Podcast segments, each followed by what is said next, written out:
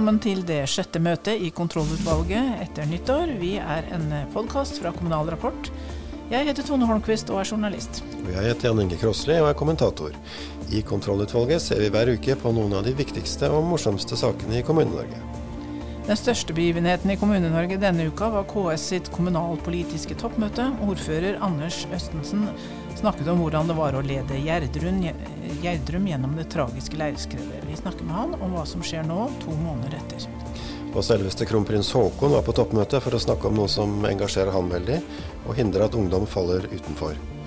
Etterpå møtte han kontrollutvalget for å snakke mer om prosjektet Flyt, Kontrollutvalget stiller annenhver uke etter veggs en lokalpolitiker som vil til Stortinget. I dag er det Frank Sve, FrPs andrekandidat i Møre og Romsdal, som svarer på ti kjappe spørsmål.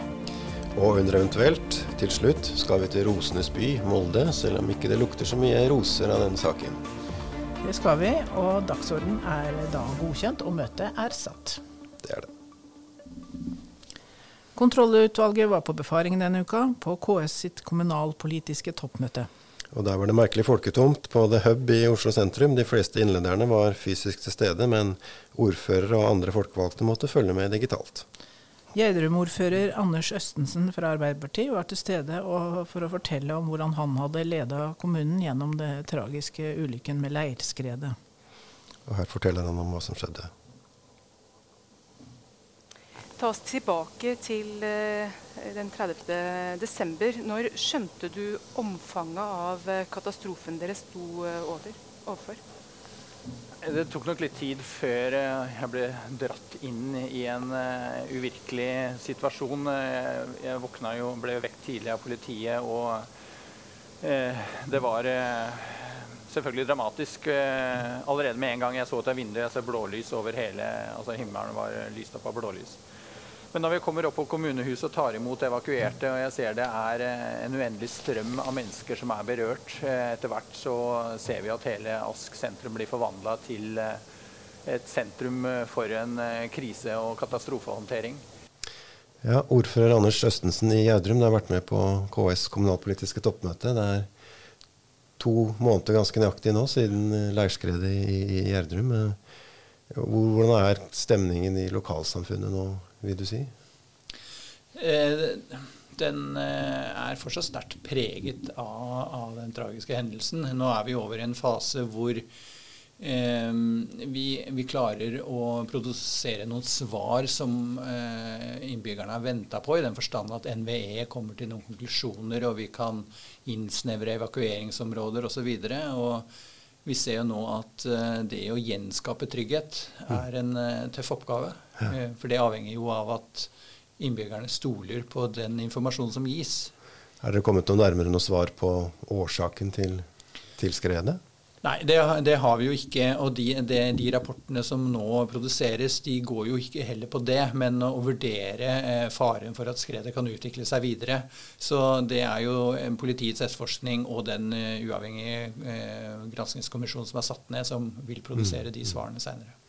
Hva vil dette skredet få å si for ja, Dere er jo en vekstkommune, men vil folk komme til å flytte fra Gjerdrum? Vil det bli vanskeligere å få folk til å flytte til kommunen? Har dere merka noe til det ennå? Nei, Vi passerte 7000 innbyggere nå rett ved nyttår. Og jo, er jo en kommune som har vært i kontinuerlig vekst helt siden eh, altså man begynte å pendle til byen og på en måte jordbrukssamfunnet mistet litt betydning. da. Så, så Sånn sett så har det vært en utvikling vi har vært i lenge. Og Så vil jo dette selvfølgelig på kort sikt ha noe eh, å si, antagelig. Men jeg tror jo eh, jeg tror ikke dette vil forandre den Eh, lengre trenden om at eh, Gjerdrum vil være et naturlig sted å bo for veldig mange. For dere vil jo nå få gjort veldig grundig undersøkelse vil jeg tro, av grunnforhold og farerisiko for eh, flere ras her. sånn at ja. altså Det er jo en naturlig konsekvens av dette her. At uh, vekten på altså grunnforhold vektes uh, større og tyngre i uh, den totale når avgjørelsen om hvor man skal bygge skal tas. Det syns jeg må være en naturlig konsekvens av dette. Vil dere stille enda strengere krav til hvor det, hvor det skal bygges? Ja, det blir jo, altså Dette er jo TEK17, og det er, dette er jo regulert eh, strengt allerede. Og det blir stadig strengere. Eh, og det kan jo hende også at regelverkene bør strammes ytterligere inn etter sånne typer hendelser. Det vil jeg ja. også se på som naturlig. Men, eh, Det er klart at eh, ja, kanskje folk vil etterspørre å, å, bo på fjell. Da. Og det kan vi tilby i Gjerdrum òg. Så ja. vi, vi, har den muligheten. Ja. For det stansa ett byggeprosjekt, men så ble det starta opp igjen etter at NVE godkjente grunnforholdet. Mm. Lærskredet har jo skapt frykt i mange andre kommuner òg. De lurer på om de er i faresonen. Kan det skje hos oss? Har dere fått mye pågang fra andre kommuner hos dere? Jeg vet i hvert fall NVE har gjort det som, som fagmyndighet på dette. Eh, vi har vel ikke, som, som jeg har registrert, eh, fått direkte henvendelser om, om, om, om grunnforhold og kvikkleir osv. Men eh, det er klart at eh, nasjonalt sett så vil jo eh, det produseres eh, et mange svar på dette som mm. vil være nyttig for mange rundt mm. omkring i landet. Når er det beregna at det skal komme noe svar på årsakene fra NVE her? August, hørte August, jeg, mm. som en mulig eh, dato for uh, den kommisjonen. Og kommunen, kommunen sjøl, jobber dere også parallelt med å finne ut hva som kan ha skjedd? Nei, vi, vi, har jo ikke den kompetansen internt, så der må vi lene oss på de miljøene som kan geoteknikk og mm. gjøre de vurderingene. Men vi vil jo selvfølgelig legge til rette med alt vi kan. Altså det, alt av dokumenter, det har vi vært åpne på hele veien. om ja. at vi, vi, legger ikke skjul på noe, og er jo egentlig først i køen når det gjelder å ville vite hvorfor sånt kan skje. Ja. Men går dere gjennom saksbehandling for liksom å se hvor det kan være noe hull? Ja. ja. Alt, eh, alt, som er, altså alle dokumenter som mm. er relevante for saken, eh, går dere gjennom. Går gjennom. Ja. Da sier vi takk til ordfører Anders Østensen i Gjerdrum.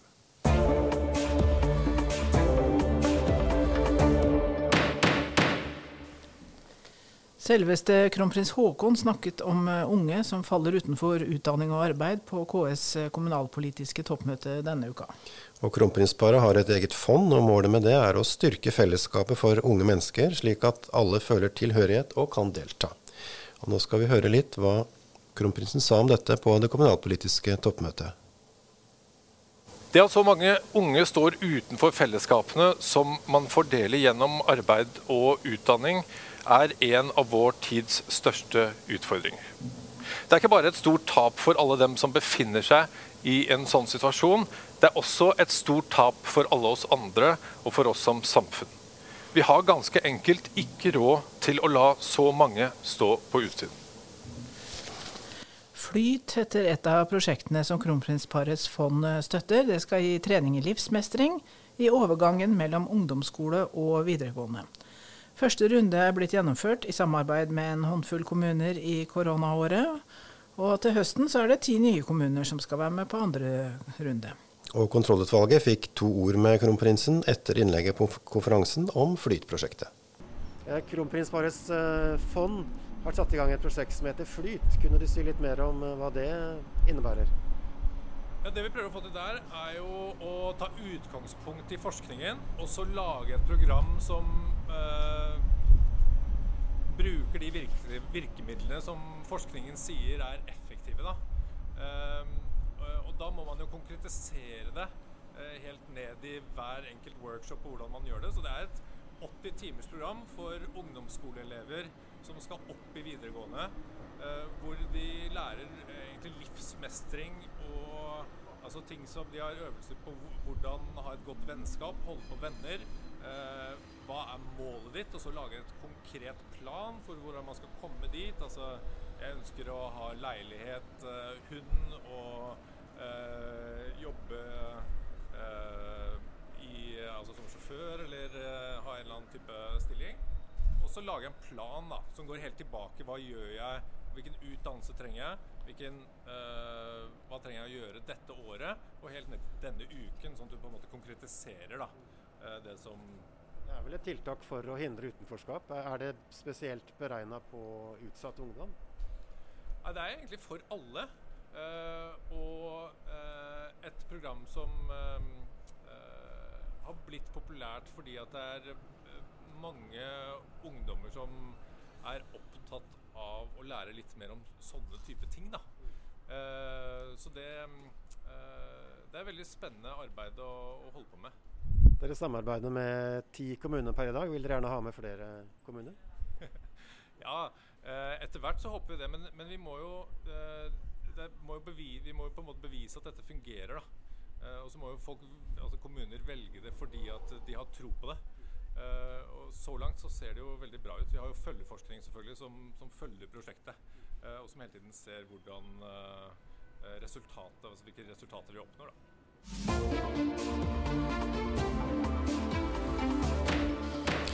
I kontrollutvalgets faste post på dagsorden fra rådhuset til Stortinget er det Frank Sve som skal svare kjapt på ti spørsmål i dag.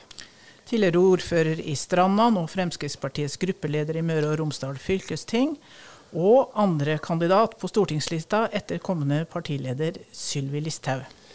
Hvor stor sjanse har du til å bli stortingsrepresentant? Nei, Den bør være relativt stor, ja.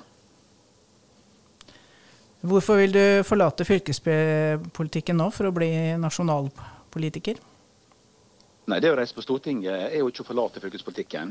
Jeg vil jo fortsatt være valgt, valgt fra Møre og Romsdal og kommer til å jobbe minst like mye fra Møre og Romsdal. Men etter snart 20-25 år i lokalfylkespolitikken, så er det fornuftig å reise til Oslo og, og riste litt opp eh, i systemet der nede, vil jeg tro. Hvordan vil du gjøre det? Nei, Det er jo, det er jo viktig at det, det er lokale aktører eh, og, og folk som er kjenner veldig godt politikken og kjenner godt både næringslivet og innbyggerne i distriktene.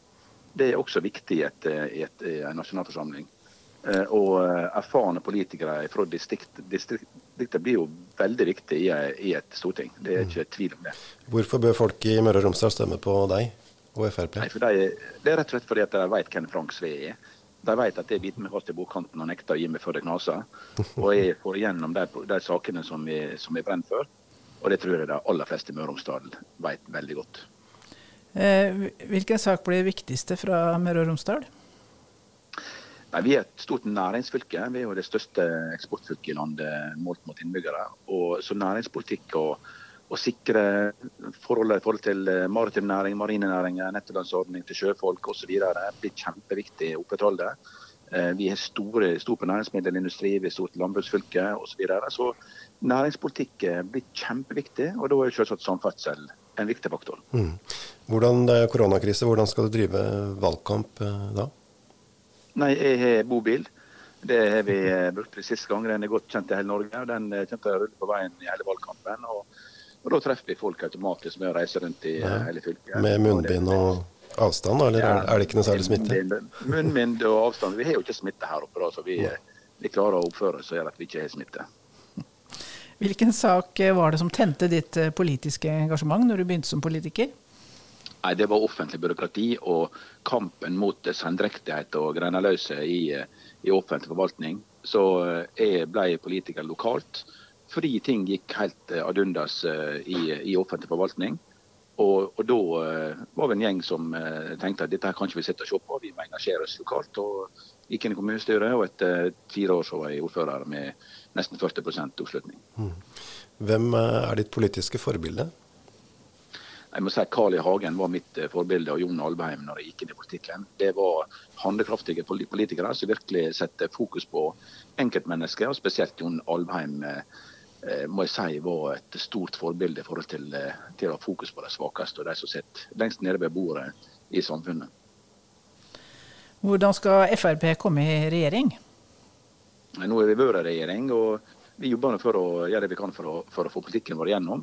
Men uh, vi må ha størrelse til å kunne få innflytelse av politikken. og Da blir det viktig å bygge partiet framover. Og, og, her i Møre og Romsdal har vi vært veldig stor i og største fylkeslag i mange mange år. og Så jeg tror jeg vi skal bruke mer av den medisinen. Mm. Hva er den første og viktigste saken du og Frp vil ta opp eh, på Stortinget etter valget? Nei, Det er kampen for enkeltmennesker og for å avbyråkratisere Norge. Jeg tror det Norge har gått i uh, veldig feil retning etter hvert. At det, ting blir vanskeligere og vanskeligere. Uh, det går lenger og lenger tid for å få ting bygd, både innen samferdsel og andre områder. Og det er vanskeligere for næringslivet pga. Dere har jo sittet i regjering noen år, da? Vi kunne ha gjort noe jo, med dette? Jo, men vi er dessverre ikke sittet alene. Og vi sitter alene så har vi fått gjort noe med det i vesentlig større grad enn å delta en del andre partier. Det ser ut som det blir norgesferie igjen eh, for eh, deg og alle andre. Hvor vil du reise sjøl, eller anbefale andre å reise? Det er veldig enkelt. Alle kan komme til Møre og Romsdal. Og vi har jo definitivt eh, noe av verdens flotteste områder med Geiranger og Geirangerfjord og Atlanterhavsveien osv. Så vi var, hadde millionturister i sommer og, og hadde plass til enda flere fra hele landet til Møre og Romsdal og derover. Som er min kommune, så hjertelig velkommen til alle. Da sier vi takk for den uh, Møre og Romsdal-reklamen, og ønsker deg lykke til i valgkampen. Frank Sve, Møre og Romsdal Frp.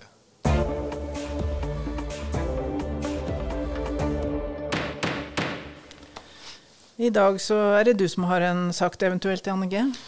Ja, Vi kommer vel ikke utenom ukas snakkis både i Kommune-Norge og resten av det politiske Norge. Molde-ordfører Torgeir Dahls uh, angrep på Oslos koronahåndtering.